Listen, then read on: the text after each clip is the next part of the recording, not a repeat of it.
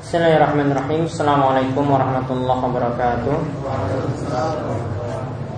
Innalhamdulillah Nahmadu wa nasta'inu wa nastaghfiruh Wa na'udhu billahi min sururi anfusina Wa min sayyati amalina. Man yahdihillahu falamudillalah Wa man yudlilhu falahadiyalah Wa ashadu an la ilaha illallah Wahdahu la syarikalah Wa ashadu anna muhammadan abduhu wa rasuluh. Allahumma salli ala nabina wa sayyidina muhammadin Wa ala alihi wa man tabi'ahum bisan ila yaumiddin. Baik, ikhwani fiddin rahimani wa rahimakumullah. Alhamdulillah pada kesempatan selepas sholat maghrib kita kembali dipermudah oleh Allah Subhanahu wa taala untuk melanjutkan kajian rutin kita dari pelajaran kitab tauhid yang disusun oleh Syekh Muhammad At-Tamimi rahimahullah yang meninggal tahun 1206 Hijriah di mana kitab ini berisi tentang pembahasan tauhid dimulai dari penjelasan keutamaan tauhid kemudian penjelasan tentang orang yang membersihkan dirinya. Selain membersihkan diri dari kesyirikan juga dia meninggalkan maksiat dan menjauhi perkara yang tidak ada tuntunan. Kemudian jelaskan pula tentang bahaya bahaya syirik. Ya dan sampai sekarang kita mempelajari tentang uh, detail penjelasan syirik satu persatu Terakhir kita membahas tentang penyembelihan kepada selain Allah. Dan saat ini kita akan melanjutkan dengan nazar dan juga pembahasan isti'adzah, yaitu nazar kepada selain Allah dan meminta perlindungan kepada selain Allah. Syekh mengatakan bab minasyirki an-nazru Termasuk di antara kesyirikan adalah bernazar kepada selain Allah termasuk di antara kesyirikan adalah bernazar kepada selain Allah. Di sini beliau bawakan tiga dalil yang menunjukkan nazar itu adalah ibadah. Kalau nazar itu adalah ibadah, maka tidak boleh dipalingkan kepada selain Allah. Ya, maka nazar itu tidak boleh diserahkan kepada selain Allah. Baik berupa persyaratan-persyaratan ketika ya ingin mendapatkan pesugihan atau dia dapat wangsit dari kiai untuk melakukan nazar di sisi kuburan orang soleh maka nazar-nazar seperti ini tidak atau sama sekali tidak dibolehkan ditujukan kepada selain Allah Subhanahu wa taala dan itu termasuk kesyirikan. Dan kita terlebih dahulu sebelum masuk dalil-dalil detail dalam masalah nazar kepada selain Allah kita lihat terlebih dahulu pengertian nazar dan hukum nazar.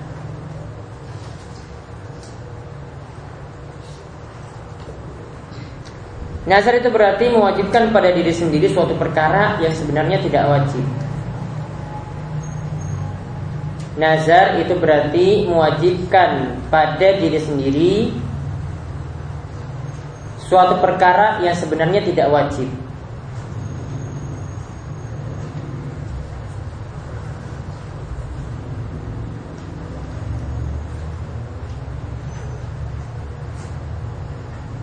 Jadi kalau perkaranya itu sudah wajib Maka tidak perlu dinazari.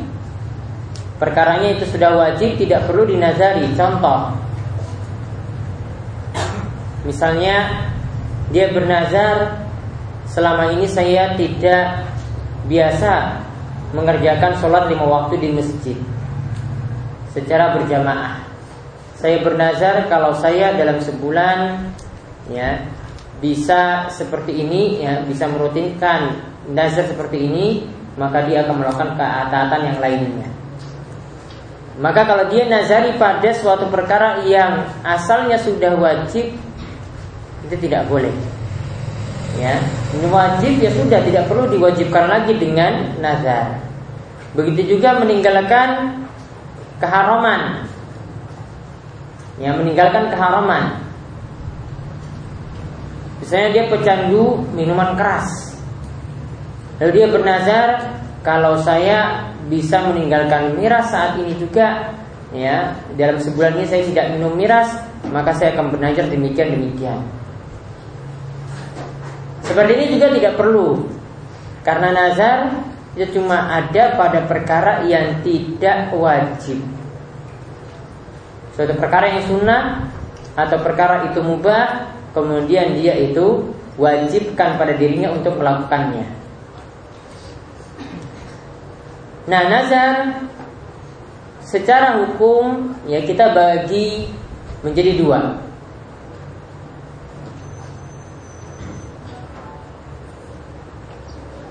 Nazar secara hukum kita bagi menjadi dua.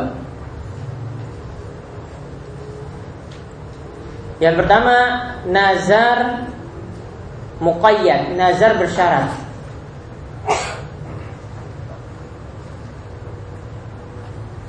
Atau nazar muallak. Biasa lebih disering disebut dengan nazar muallak. Yaitu nazar dengan menyebutkan persyaratan tertentu.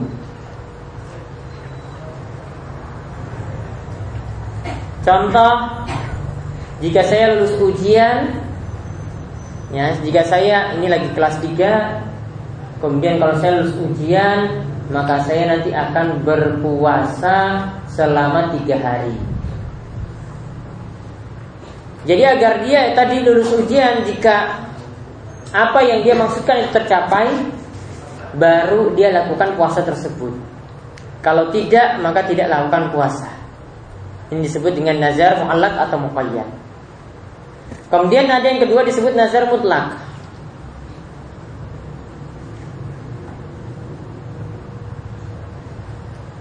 Yaitu nazar tanpa menyebutkan syarat.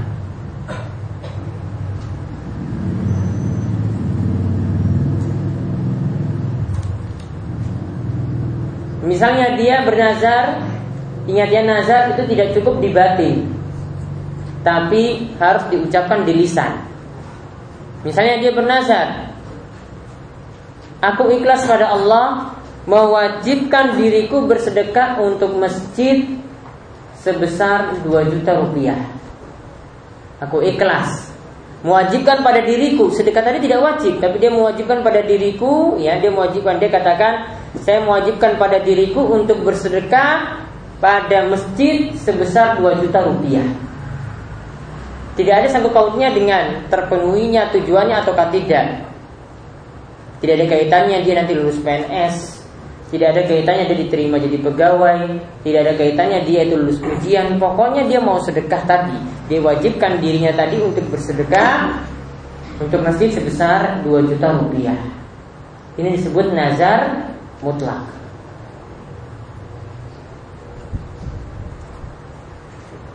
Nah, bagaimana hukum nazar? Ya. Hukum nazar sendiri kita perlu ketahui dalam nazar itu ada dua hal. Dalam nazar itu ada dua hal.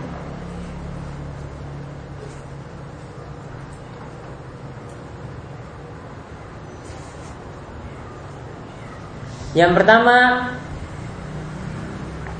mengucapkan nazar.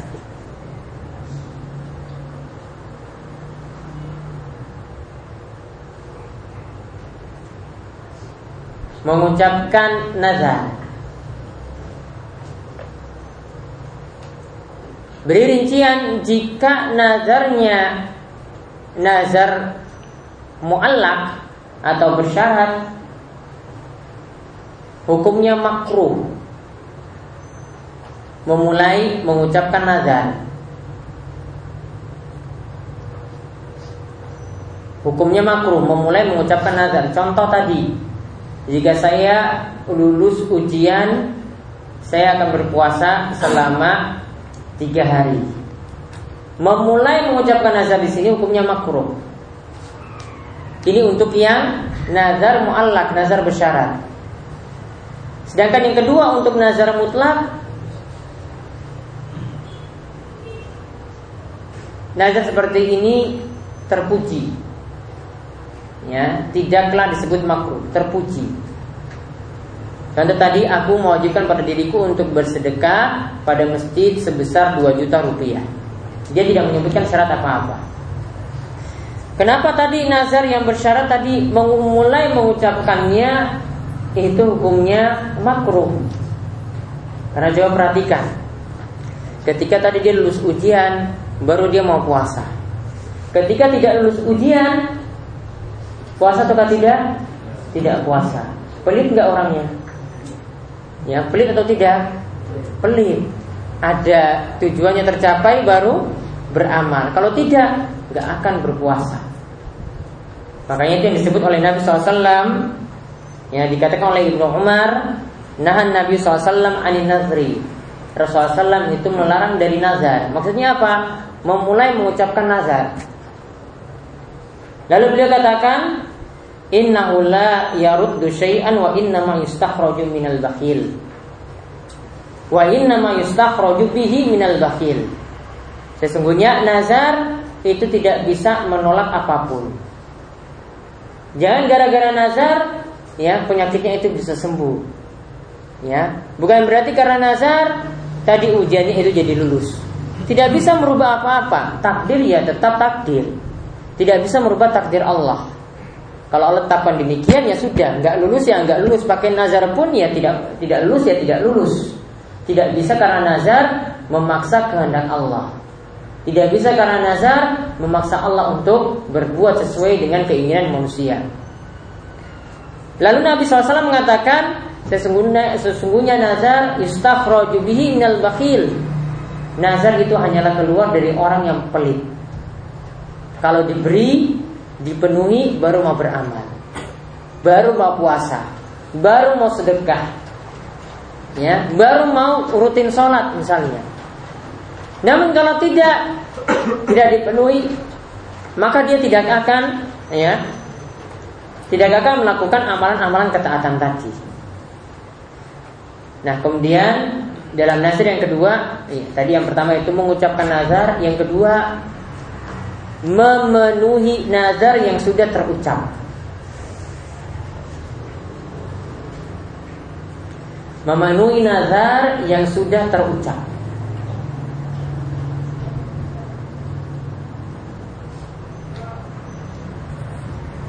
Baik nazarnya itu nazar mutlak maupun nazar muallak tadi nazar tanpa disebut syarat atau menyebutkan syaratnya kedua-duanya wajib ditunaikan ketika sudah diucap.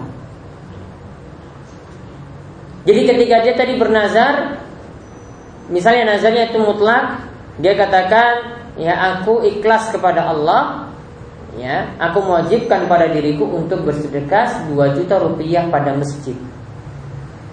Atau dia itu bernazar-nazar muallak nazar bersyarat maka ini juga jadi wajib. Tadi misalnya dia berpuasa dan dia jadi nanti mau berpuasa dia nanti bernazar mau berpuasa setelah dia itu lulus kalau lulus. Maka kalau dia sudah ucapkan nazar ini berarti ketika terwujud maka nazarnya wajib ditunaikan Ya, jadi di sini penunaian nazar hukumnya wajib.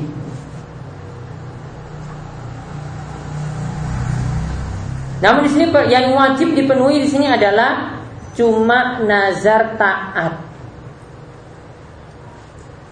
Ya, cuma nazar taat.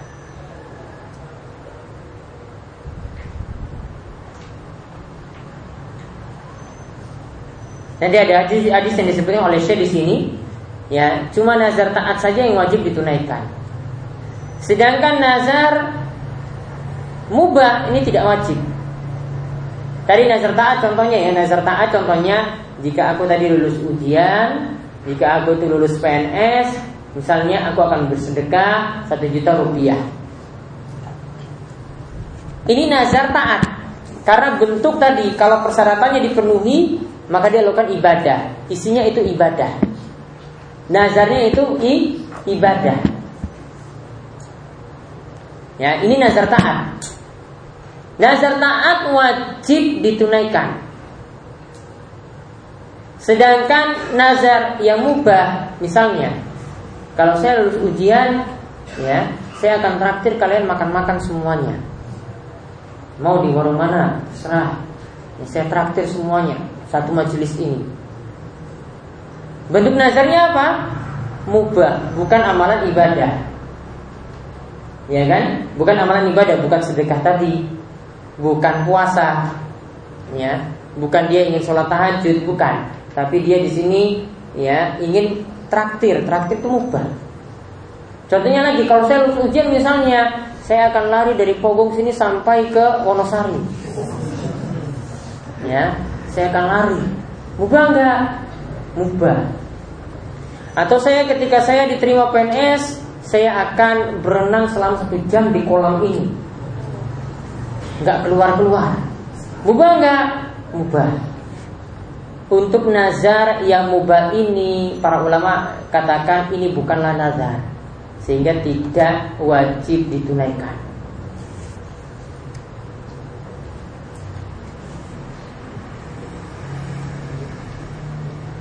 Nah ini menurut pendapat jumhur ulama karena tadi kalau syaratnya terpenuhi tadi dia lakukan itu, ya.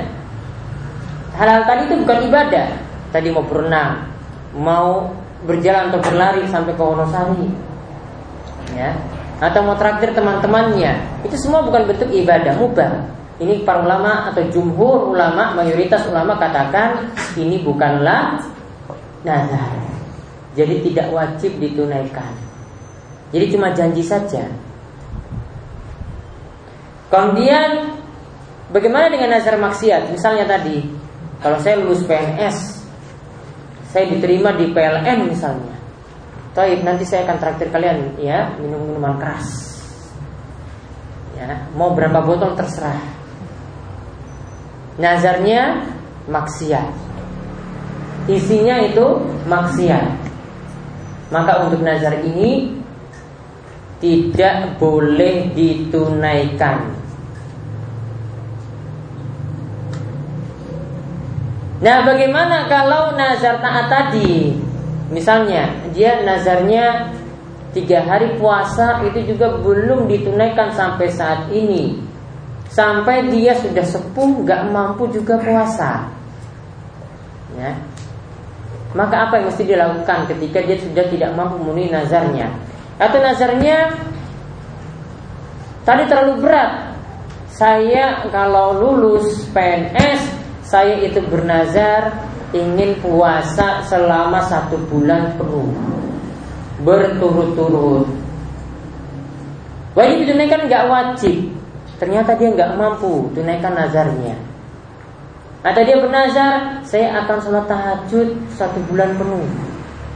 Hari pertama saja bangun nah, hari kedua nggak bangun hari ketiga seterusnya sampai satu bulan penuh nggak bangun nazarnya tidak mampu dia tunaikan Bagaimana dengan ini? Padahal itu nazar taat. Maka kalau nazar taat tidak mampu ditunaikan maka wajib bayar kafarah. Ketika nazar taat tidak mampu ditunaikan maka wajib bayar kafarah. Kafarahnya sama dengan kafarah sumpah. Tebusan atau kafarahnya sama dengan kafarah sumpah.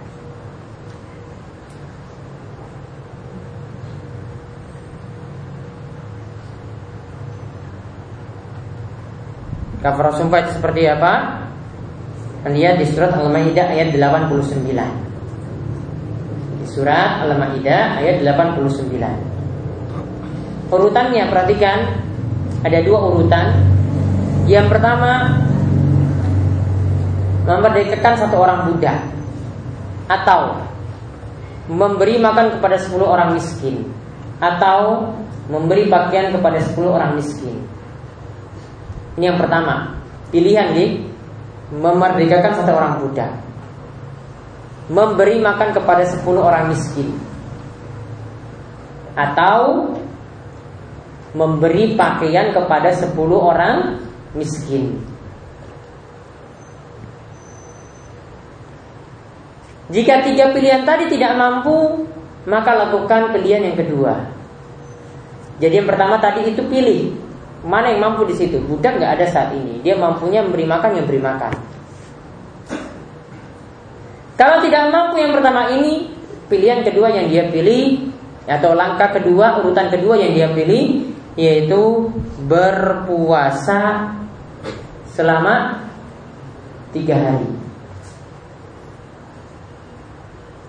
Tidak dipersyaratkan berturut-turut. berpuasanya selama tiga hari tidak dipersyaratkan berturut-turut, pokoknya tiga hari. Dia misalnya tadi bernazarnya tadi sholat tahajud satu bulan penuh, maka dia ganti ya dengan menaikkan kafarah tiga tadi dulu memberi makan kepada 10 orang miskin atau memberi makan kepada 10 orang miskin atau memerdekakan satu orang budak. Kalau tidak mampu, maka berpuasa selama tiga hari.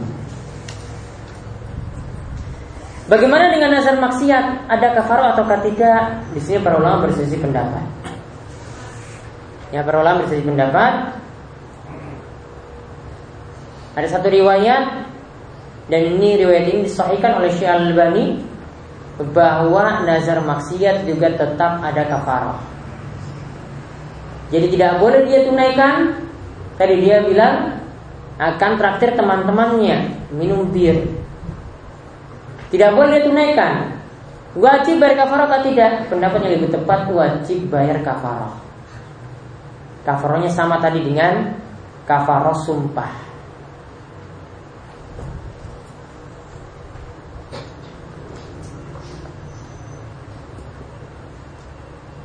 Jadi rincian nazar, hukum nazar seperti itu.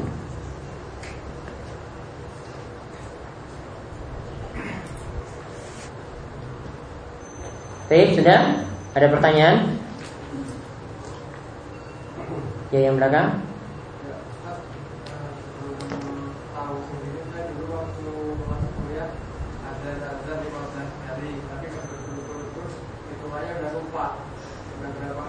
Tunaikan sampai yakin. Ya, tunaikan dulu misalnya yakinnya itu 5 ya atau pilih yang paling sedikit. Ya. Misalnya dia ragu 5 atau 10. Ya sudah pilih 5 berarti harus tunaikan 10 lagi. Ya. Jadi kalau bisa ya tunaikan sampai yakin. Kalau tidak bisa tadi pilih yang paling sedikit yang sudah ditunaikan. Sisanya tadi dia tambah lagi. Seperti itu. Jadi tetap ditunaikan. Karena tadi nazarnya tidak dia katakan berturut-turut kan? Kalau berturut-turut dia tidak mampu, berarti langsung ganti dengan bayar kafarah. Ada lagi? Iya, Pak. Oh, kalau ada orang bernazar tapi ada bermaksud minyak Bermaksud ria. Maka nanti dari niatannya sendiri yang buat amalan nazarnya rusak. Ya, kalau nazarnya itu nazar taat, ya, karena bentuk niatannya itu yang membuat amalan tersebut rusak. Kalau dia tunaikan dapat pahala. Tapi ketika dia mulai ucapan tadi kalau nazarnya itu nazar bersyarat, hukumnya tadi apa? Makruh. Tapi kalau sudah diucapkan wajib ditunaikan. Kalau nanti niatannya itu berubah ria, berarti dari amalan itu yang rusak. Ya. Saran saya diulangi amalan tersebut karena amalannya itu sia-sia yang karena riak itu pembatal amalan itu. Mau.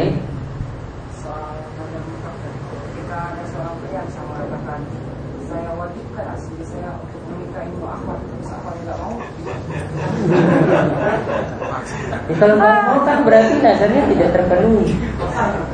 Enggak. Kan berarti nazarnya bersyarat kan? Kalau syaratnya terpenuhi berarti harus bernazar tunaikan nazar. Kalau tidak terpenuhi gimana? Tidak wajib. Untuk menikah kan? Ternyata akhwatnya nggak mau kan berarti tidak terpenuhi kan syaratnya. Itu nazar bersyarat. Iya. Syaratnya tidak terpenuhi sama tadi kan? Ujian tidak lulus. Kalau tidak lulus ya sudah tadi tidak wajib puasa tiga hari. Kalau lulus baru puasa.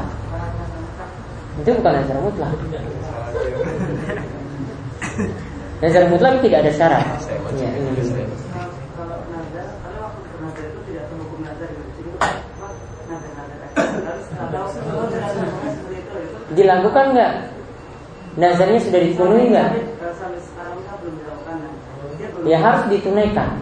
Itu dituntut terus wajib, hukumnya wajib. Ketika sudah di diwajibkan nazar berarti dia mewajibkan pada dirinya sendiri. Itu masih utang. Ya. Kalau puasa ini dibawa sampai mati, ini utang nazar, ya puasa nazar bentuk uh, utang nazar bentuknya puasa, maka ditunaikan nanti oleh ahli warisnya. Jadi masih tetap utang, yaitu utang nazar. harus ditunaikan. Ya. Eh, ya fenomena yang ada jadi ada seorang mengatakan kalau saya sudah sukses maka saya akan melakukan seperti sholat sholat Allah itu masuk yang mutlak atau yang mutlak Saya harus kalau saya sudah sukses saya akan sholat. Iya. Berarti belum sukses belum sholat gitu. Ya, itu itu bukan nazar. Tadi saya katakan nazar cuma ada mewajibkan perkara yang tidak wajib jadi wajib. Sholat sudah wajib, ngapain dia nazari? Ya kan? Jadi tidak boleh dipenuhi. Memang tidak dipenuhi, wajib dia sholat terus. Ya, tidak ada manfaat ucapan nazar seperti itu. Sama tadi dia ucapkan kalau saya sukses misalnya, ya, sukses juga dia nggak pakai standar. Suksesnya apa dulu? Ya, apakah punya rumah dulu? Apakah punya mobil dulu? Suksesnya kan nggak jelas. Ya taruhlah dia pakai standar tertentu misalnya ya. Terus dia nazar, saya nanti akan rajin ke masjid sholat berjamaah. Sholat berjamaah wajib bagi laki-laki, tidak bisa dia nazari. Sama dia juga nazari, saya mau pergi tak nanti setelah nazar saya terpenuhi, saya mau rajin ikut taklim. Taklim itu wajib bagi setiap orang, nggak bisa dinazari. Tadi yang dinazari itu gimana? Sedekah. Sedekah itu asalnya hukumnya sunnah, dia wajibkan. Puasa, puasa tiga hari. Puasa kan asalnya tidak sampai diwajibkan kecuali puasa Ramadan, dia wajibkan. Sholat tahajud, ya sunnah, dia wajibkan. Kalau seperti itu, ya baru dipenuhi. Jadi itu bukan nazar. Eh, Nazar maksiat tadi yang bayar kafarah tadi karena nggak nggak menunaikan maksiatnya atau Nazar maksiat tadi, maksiatnya tidak ditunaikan. Ya, kemudian dia bayar kafaro karena ucapan nazarnya tersebut. Jadi nazarnya tidak ditunaikan, traktirnya tadi tidak dia ini penuhi. Ya. Maksudnya tidak dia lakukan. Kemudian dia bayar kafaro kafaro sumpah. Ada lagi? Jadi kafar memberi makan orang miskin itu dalam satu hari apa satu kali makan? Kafaro karena disebutkan dalam ayat ya itu disebutkan mutlak ya, disebutkan mutlak maka tidak mesti untuk tiga kali makan sekali dia memberikan nasi satu bungkus dan itu sudah jadi makanan yang layak ya misalnya di sini layak itu misalnya nah, mahasiswa nasi kucing misalnya ya layak ya sudah layak ya kan sudah layak kasih nasi tempe sama sayurnya kemudian diberikan sudah layak kan satu kali itu sudah disebut dia memberi makan kepada satu orang miskin. Dia cari orang miskin lagi yang lainnya satu bungkus lagi dua. Cari lagi sampai sepuluh. Tidak mesti satu orang miskin kan tadi untuk tiga kali makan. Tidak. Dalam satu waktu. Kalau puasa tadi tidak tidak bisa. Puasa tidak berturut-turut. Oh, yang Kemudian memberi makan juga tidak mesti satu waktu. berarti bisa. Kecil. Ada lagi? Ya.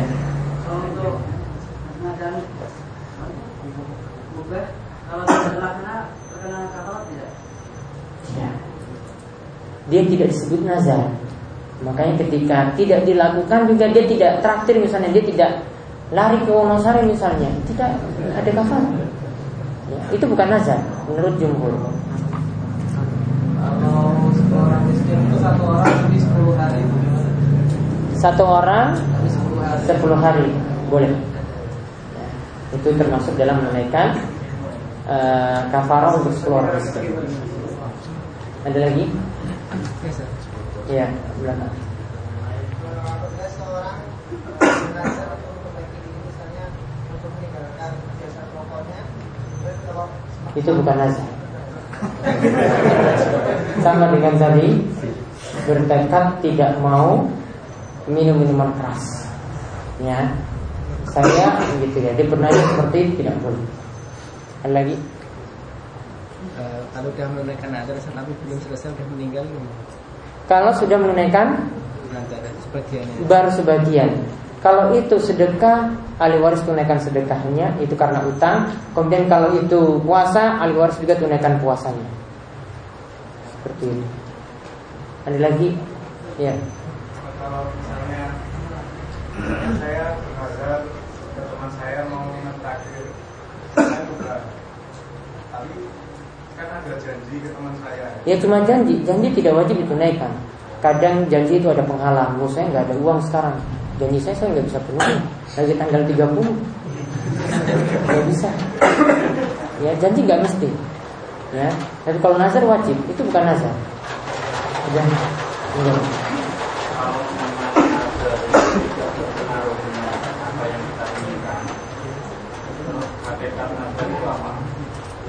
nah, mana yang lebih baik kita bernazar atau berdoa Lebih bagus berdoa.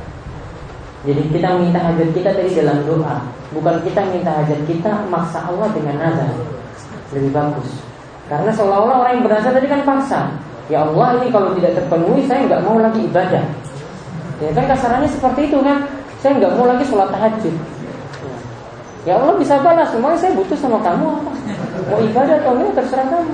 jadi sebaiknya kita tidak usah Bagusnya seperti itu untuk nazar yang bersyarat. Kalau nazar mutlak terpuji. Kalau sudah terlanjur diucapkan wajib ditunaikan. Dan bagus minta dalam doa. Jadi kita lanjut. Kita lihat sekarang beberapa dalil yang menyebutkan nazar itu adalah ibadah sehingga memalingkannya kepada selain Allah tidak dibolehkan, termasuk kesyirikan. Yang pertama Allah Subhanahu wa taala berfirman Yufuna bin nadri Ya yufuna bin nadri wa yakhafuna yawman kana syarruhu mustatira. Dalam surat Al-Insan ayat ke-7. Yaitu mereka orang-orang beriman itu menunaikan nazar. Di sini pendalilannya bagaimana? Kalau kita mau menunjukkan nazar itu ibadah, ayat ini konteksnya membicarakan tentang ujian pada orang-orang yang menunaikan nazar. Ya, konteksnya adalah membicarakan atau ujian kepada orang-orang yang menunaikan nazar. Berarti kalau orang yang menunaikan nazar terpuji, berarti nazar itu adalah ibadah. Kalau nazar itu adalah ibadah, maka tidak boleh dipalingkan kepada selain Allah. Kalau dipalingkan kepada selain Allah, maka sesuai dengan judul itu termasuk kesyirikan. Nah, ini biasanya nampak ketika ya orang-orang ini ingin melakukan ritual-ritual kesugihan. Ya, kesugihan itu punya syarat-syarat punya nazar-nazar. Syarat-syarat tadi itu maksudnya nazar-nazar. Nazar ini dipenuhi baru pesugihannya itu datang. Ya, nazarnya misalnya ingin cepat kaya, ya. Dia ingin cepat kaya, maka dia harus melakukan nazar, harus misalnya bertubuh atau berzina. Nazarnya lagi, bentuknya yang lainnya lagi, macam-macam. Ya, ada yang sampai misalnya berhubungan dengan jin. Ya. Sangkaannya itu berhubungan dengan jin. Nazar dia penuhi seperti itu. Maka kalau nazar ini bentuknya adalah kepada selain Allah Maka termasuk kesyirikan. Pendalilan pertama seperti itu. Kemudian yang kedua. Wa ma anfaqtum min nafaqatin aw nazartum min nadrin fa innallaha ya'lamuhu. Surat Al-Baqarah ayat 270. Apa saja yang kalian nafkahkan dan apa saja yang kalian nazarkan maka Allah mengetahuinya. Allah itu tahu. Yang dimaksudkan dengan Allah itu tahu maksudnya Allah itu yang membalasnya. Ini para ulama pakar tafsir itu katakan yang dimaksud adalah Allah membalasnya. Berarti kalau Allah membalas orang yang menunaikan nazar, berarti nazar itu adalah ibadah karena dibalas oleh Allah Subhanahu wa taala. Suatu bentuk kebaikan dibalas dengan pahala, maka nazar itu adalah ibadah. Berarti kalau ibadah ini dipalingkan kepada selain Allah, itu termasuk kesyirikan. Pendalilannya sudah sangat jelas ya menunjukkan nazar itu adalah ibadah dan kalau dipalingkan kepada selain Allah berarti seseorang terjatuh dalam perbuatan syirik. Kemudian dalil yang terakhir yang beliau sebutkan di sini dari hadis. Wafis sahih yang dimaksudkan sini adalah hadis mutafakun alaih riwayat Bukhari dan Muslim. yaitu dari Aisyah radhiyallahu anha, istri Nabi SAW. Di mana Aisyah ini dinikahi ya pada usia 7 tahun. Kemudian disetubuhi pada usia 9 tahun. Ingat baliknya orang Arab itu beda dengan baliknya anak perempuan Indonesia. Misalnya 9 tahun itu sudah balik bisa. Kalau sini mungkin beda, tergantung iklim, tergantung kondisi geografis, tergantung di keadaan negeri masing-masing.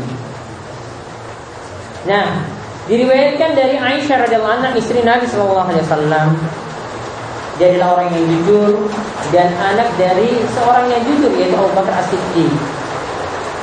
Di mana Rasulullah SAW itu bersabda, "Man nazar ayyuti Allah falyuti'hu, wa man nazara ayyasi Allah fala ya'sihi." Siapa yang bernazar untuk melakukan ketaatan pada Allah, dia bernazar tadi kalau lulus ujian nanti akan berpuasa tiga hari. Itu kan nazar taat. Siapa yang bernazar taat kepada Allah, falyuti'hu maka taatilah. Artinya apa? Lakukanlah, penuhilah nazar tersebut. Puasa tadi yang ditunaikan. Wajib ditunaikan. Ya, yang belum belum tunaikan nazar ya segera tunaikan. Itu utang.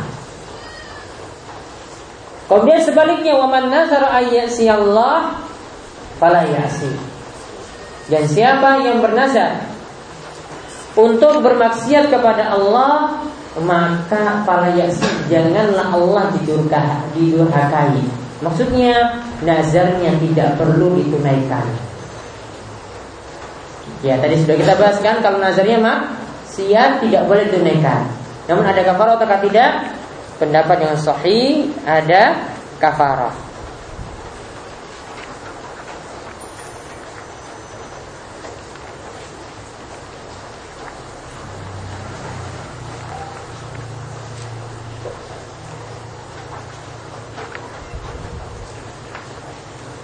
Nah, sebagaimana sini ada tambahan lafaz dari Tohawi ketika menyebutkan hadis ini ya man nazara ayyati wa man nazara man nazar ayyati Allah ayyati Allah falyutihu wa man nazar ayyasi Allah fala yasi maka ada tambahan ini adalah diriwayatkan oleh Tohawi wa yukaffir an yaminihi kalau dia dia tunaikan nazar maksiat tadi, ya, maka dia tidak boleh melakukannya. Tapi apa? Tunaikanlah kafaroh dengan membayar kafaroh sumpah. Jadi nazar maksiat konsekuensinya lagi dia tidak tunaikan nazar tersebut, tapi dia harus lakukan ya kafaroh yaitu sama dengan kafaroh sumpah. Faidah dari dari dalil tadi yaitu yang pertama wujubul bin nadri wajib menunaikan nazar. Nazar awal diucapkan itu makruh kalau nazarnya bersyarat. Namun kalau sudah terlanjur diucapkan wajib ditunaikan. Kalau sudah terlanjur diucapkan wajib ditunaikan. Bahkan kalau ditunaikan ini dapat pahala. Jadi ada yang awalnya itu makruh. Tapi kalau ditunaikan itu dapat pahala. Ya, cuma awal pengucapan saja. Ya, makruh. Tidak haram. Makruh saja. Tapi kalau sudah diucapkan wajib ditunaikan. Nah inilah nazar. Kemudian yang kedua, idza sabata qawlu ibadatullah ibadatan lillah fasarfu ila ghairihi syirkun. Jika sudah jelas bahwa nazar itu adalah ibadah ya karena wajib tunaikan kemudian dapat ganjaran tadi dapat pahala maka memalingkan nazar kepada selain Allah termasuk kesyirikan. Kemudian yang ketiga, ana nazar maksiyah la yajuzul wafa'u bihi. Kalau nazarnya nazar maksiat tidak boleh ditunaikan. Ya, tidak boleh ditunaikan nazar tersebut.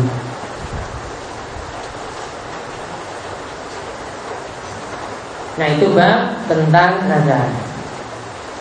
Selanjutnya kita lihat bab minasyirki al-isti'adzatu bi. Termasuk syirik lagi Meminta perlindungan Kepada selain Allah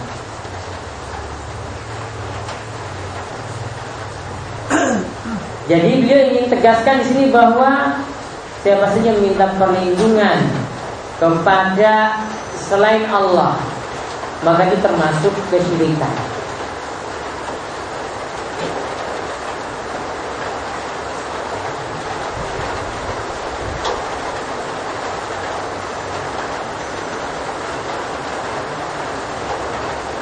Namun isti'adzah di sini dapat kita bagi dua secara hukum. Yang pertama meminta perlindungan dalam perkara yang hanya Allah yang mampu lakukan. Dalam perkara yang hanya Allah yang mampu lakukan.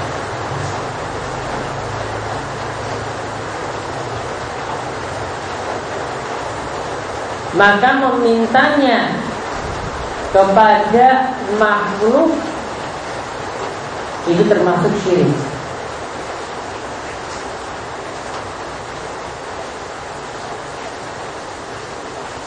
Kemudian yang kedua Istiadah atau meminta perlindungan Pada makhluk Yang mampu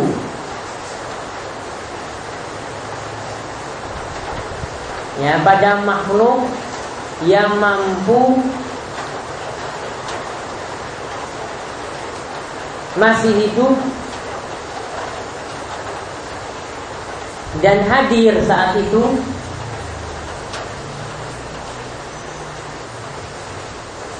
ya tadi lihat dia mampu kemudian masih hidup lalu apa? Hadir saat itu maka seperti itu dibolehkan. Berarti yang makhluk mampu di sini kan makhluk mampu menunaikannya. Misalnya minta perlindungan, ya. Ada preman yang mau mengambil dia, ya. Kemudian dia minta perlindungan itu pada Pak Polisi. Pak tolong Pak saya ini dikejar-kejar preman. Tolong lindungi saya. Ya. Pak polisi pada itu mampu nggak? Mampu untuk atasi preman tersebut. Hidup nggak hidup. Kemudian hadir nggak hadir ada depan dia. Maka meminta perlindungan kepada polisi saat itu tidak termasuk syirik, dibolehkan. Namun kalau dalam perkara tadi, ya, minta perlindungan hanya Allah yang mampu perkara tersebut. Dalam perkara yang Allah hanya mampu itu misalnya kita mendapatkan bahaya ya dari sesuatu ya. atau ada yang punya beranggapan sial ketika melewati suatu tempat ya. maka yang bisa melindungi kita dari kejahatan di kegelapan dari makhluk jahat tidak ada orang saat itu itu cuma Allah Subhanahu wa taala maka ketika misalnya ada yang lewat pohon keramat ada yang lewat kuburan yang angker ada yang lewat rumah yang sudah bertahun-tahun tidak berpenghuni dan ada orang yang pernah gantung diri di situ. Ya. Kemudian dia ketika lewat situ diberi wasiat. Cara meminta perlindungan pada musibah yang jaga rumah ini, yang jaga kuburan ini, yang jaga pohon ini adalah bunyikan klakson nyalakan lampu. Ya atau pamit sama simbah. Dan pamit ya numpang lewat. Nah kalau bentuknya ini cuma hanya Allah yang mampu Kalau dia minta perlindungan dengan melakukan seperti tadi Berarti ini termasuk kesyirikan. Masih banyak nggak seperti ini dengan dengan kita? Ya, tidak boleh. Apa? Manfaatnya juga langsung. Manfaat sama simbah tadi yang jaga. Kemudian pamit-pamit juga tidak manfaat. Nyalakan lampu juga. Lagi pagi kayak ini siang seperti ini kok nyalakan lampu seperti itu syaratnya? Kan tidak ada manfaat. Nah ini yang dimasukkan oleh Syekh di sini pembahasan isti'adzah yang termasuk kesyirikan yaitu ketika meminta perlindungan pada perkara yang cuma Allah mampu. eh, kita informasi apa azan dulu baru kita lanjutkan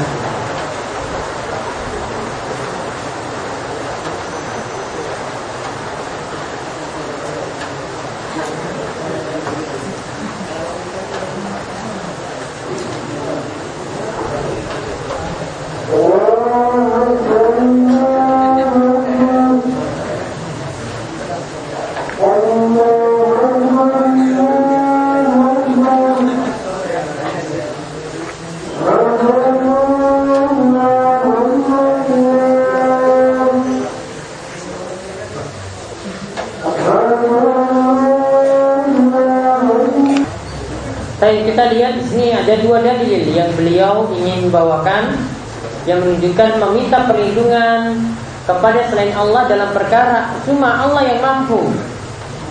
Itu termasuk kesyirikan jika mintanya pada makhluk. Beliau bawakan dalil yang pertama surat Al-Jin. Surat Al-Jin ayat ke-6. Yaitu Allah Subhanahu wa taala berfirman wa annahu kana rijalun minal insi ya'uduna birijalin minal jinni fazaduhum rahaqa. Yaitu bahwa ada segolongan manusia itu meminta perlindungan kepada segolongan jin.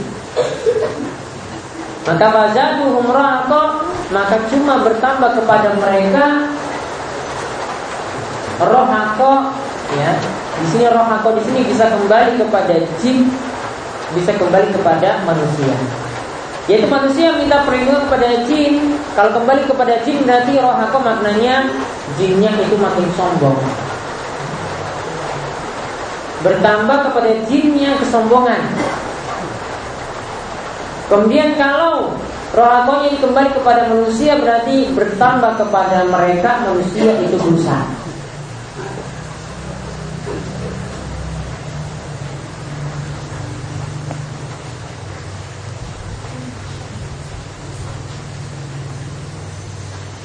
Pendalilannya di sini karena dalam ayat ini meminta perlindungan kepada selain Allah itu dicela.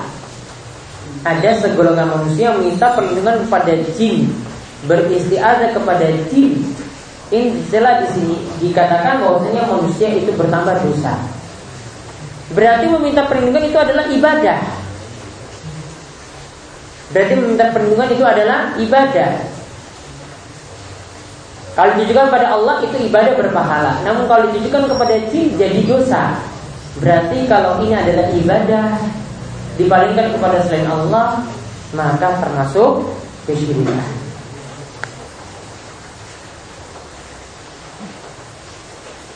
Kemudian juga ada hadis ya yang berikutnya dari Haulah binti Hakim radhiyallahu anha Qalat ia berkata Sami itu Rasulullah SAW yakul Aku pernah mendengar Rasulullah SAW itu bersabda Man nazala manzilan. Siapa yang mampir di suatu tempat Mampir di suatu rumah Mampir di suatu halte Mampir ya di tempat-tempat yang angker Mampir di tempat-tempat yang seram Umum tempatnya di sini. Siapa yang mampir di suatu tempat Lalu dia mengucapkan A'udzu bikalimatillahi tammati min syarri ma khalaq.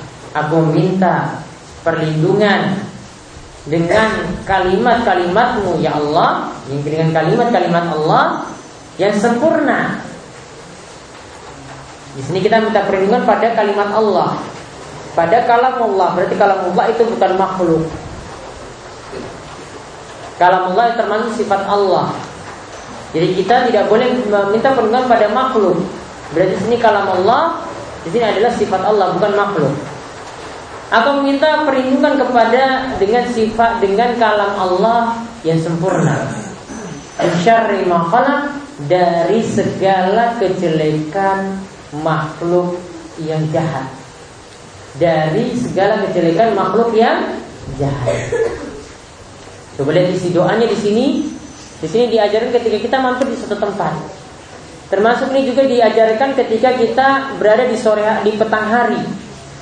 Ya selepas maghrib itu perbanyak atau disunahkan membaca zikir ini sebanyak tiga kali. A'udzu bikalimatillahi tammati min syarri ma khalaq. A'udzu bikalimatillahi tammati min syarri ma khalaq. A'udzu bikalimatillahi tammati min syarri ma khalaq. Minta perlindungan kepada Allah dari kejahatan segala makhluk. Kejahatan segala makhluk ini apa? Baik kejahatan perampok, ada preman, termasuk juga makhluk-makhluk goib, setan, dengan berbagai macam bentuknya. Ya, ada yang kebanyakan nonton film, ada yang bilang sendala bolong, ada yang bilang kuntilanak, ada lagi yang bilang pocong. Semuanya minta perlindungan dari makhluk-makhluk yang katanya seram-seram seperti ini. Ingat kenapa orang-orang itu banyak takut dengan hal seperti ini karena awalnya itu dari TV. Ya kan kalau nggak nonton TV itu nggak tahu. Ya karena sebab nonton TV jadi tahu oh, ini ada sendal bolong. Oh ini ada pocong. Oh ini ada kuntilanak. Genderuwo, macam-macam. Itu gara-gara film awalnya. Maka kurangnya nonton film-film yang seram-seram. Malah merusak iman. Jadi takut. Film-film horor itu malah jadi takut. Nah, kalau kita waktu di satu tempat disunahkan baca bacaan ini maka faedahnya apa? Lam yadurruhu syai'un hatta yarhala min manzilihi dzalik. Maka tidak ada yang dapat memudaratkannya sampai dia pergi dari tempat tersebut. Tidak ada yang bisa membahayakannya. Tidak ada perampok yang nakali, tidak ada penjahat yang dekati, tidak ada yang tadi makhluk-makhluk ya yang katanya ini yang seram-seram tadi itu tidak mungkin dekati dia kalau dia membaca dua ini, baik diritingkan di petang hari ataupun ini dibaca ketika mampir di suatu tempat, tempat apa pun. Apalagi itu tempat yang baru yang pernah kita baru kita singgahi saat itu. Baca dua ini dia dapat perlindungan. Nah di sini karena kita diperintahkan meminta perlindungan dengan kalimat Allah. Kalimat Allah di sini adalah kita meminta perlindungan perlindungan sama saja kepada Allah. Maka berarti meminta perlindungan di sini adalah termasuk ibadah karena diminta kepada Allah saja. Maka berarti kalau memalingkannya kepada selain Allah, ini kita mintanya kepada makhluk itu berarti termasuk kesyirikan. Maka beda dari ayat ini, dari dalil-dalil ini, dua dalil ini yang pertama tafsirul ayat, penjelasan tentang tafsir surat Al-Jin ayat 6. Kemudian yang kedua, kaum minasyirk, bahwasanya meminta perlindungan kepada selain Allah termasuk kesyirikan. Ya, jadi tauhidnya yang harus dimantapkan, akidahnya yang harus dimantapkan. Buang jauh-jauh ya pemikiran-pemikiran jahat dari makhluk cuma Allah Subhanahu wa taala yang bisa yang memberikan pertolongan. Kemudian yang ketiga al istilal ala dzalika bil hadis li'anna ulama astadallu bihi ala anna kalimatillah ghairu makhluk. Bahwasanya kita bisa beralih dari hadis yaitu dengan kita melihat pada perkataan para ulama yang mengatakan ya mereka simpulkan dari dalil bahwa kalam Allah bukanlah makhluk. Li'anal istighatha bil makhluk syirkun. Karena kalau itu makhluk, ya kalau meminta perlindungan pada makhluk tentu saja syirik. Di sini tidak, kita minta perlindungan kepada kalam kalamullah dan itu termasuk sifat Allah dan itu bukan makhluk. Jadi ini adalah eh, ini adalah bantahan kepada orang-orang ya yang menolak sifat Allah atau yang menyatakan sifat Allah itu sebagai makhluk atau menyatakan kalau Allah itu makhluk.